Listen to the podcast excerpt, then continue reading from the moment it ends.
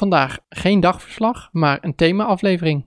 Wij zijn namelijk voor het eerst op vakantie met twee kinderen. Lukt het eigenlijk wel om onze draai te vinden? Nu eerst de feitjes. Dit is op vakantie met de trein, aflevering 5. Muziek.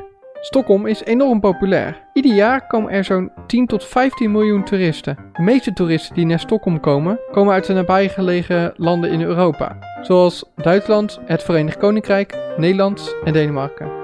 In het centrum van de stad vind je het beroemde Grand Hotel Stockholm, het Nobbels Hotel en het Hotel Diplomat. Deze hotels hebben alles wat je hartje begeert. Er zijn ook veel hostels in Stockholm. Dat is ideaal voor budgetreizigers, backpackers en andere mensen die wat goedkoper willen verblijven in Stockholm Centrum. Ze hebben vaak gedeelde kamers en gemeenschappelijke ruimtes om reizigers te ontmoeten. Voor kampeerliefhebbers zijn er campings in en rond Stockholm, waar je kunt genieten van de natuurlijke omgeving en je toch dicht bij de stad bent. Uiteraard is het aanbod op Airbnb gigantisch. Wil je echt heel uniek slapen? Boek dan een botel. In het centrum van Stockholm liggen omgebouwde boten, wat nu hotels zijn. Dit waren de feitjes. Deze feitjes zijn mede mogelijk gemaakt door Artificial Intelligence. Ik ben niet verantwoordelijk voor eventuele fouten. Terug naar de realiteit. In aanloop naar deze vakantie zag ik dus ook wel tegenop.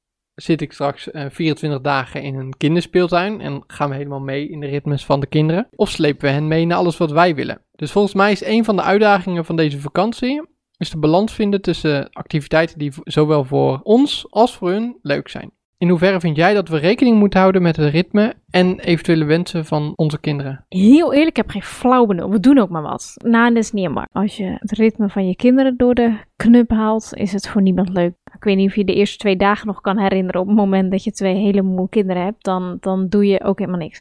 Dus ik denk dat de kinderen in basis leidend zijn en daaromheen fiets je er een beetje tussendoor wat je zelf wil doen. En vind je dat we daar tot nu toe in geslaagd zijn? Deels. Ik denk dat het nu een beetje begint te komen dat er een klein beetje een soort van rust komt.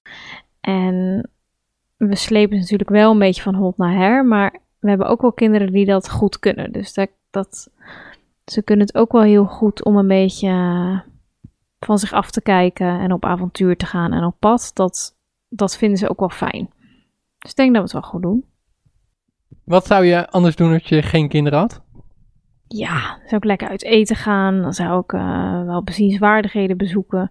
Dan zou ik heel veel koffie drinken. Een beetje zo uh, voor me uitdromen in van die koffietentjes. Ik zou spelletjes doen daar. En uh, me een beetje laten leiden door de dag. En met kinderen is veel meer voorbereiden. En vind je het niet jammer dat we dat nu niet kunnen doen? Soms. En jij? Um, ik mis wel echt dat we samen gewoon in een café zitten en spelletjes doen. Ik vind het dus soms lastig om een plezier te halen uit het feit dat mijn kinderen plezier hebben. Daar moet ik echt soort van mijn ogen voor openen. Anders dan uh, ga ik me eerder frustreren aan bijvoorbeeld verveling. Dus daar moet ik wel wat harder voor werken, ja. Wat vind je ervan? Soms een beetje stom, maar um, ja, dat weet ik. Dat, je, dat, dat dat zo is. Dat is prima. En zoals vanmiddag, toen we in die speeltuin zaten, dat jij dan een stuk gaat lopen en ik bij de kinderen ben. En jij bij de kinderen bent en ik een stuk ga lopen. Uh, gaan we toch ook ieder doen wat we zelf willen. En tegelijkertijd hebben de kinderen het ook leuk.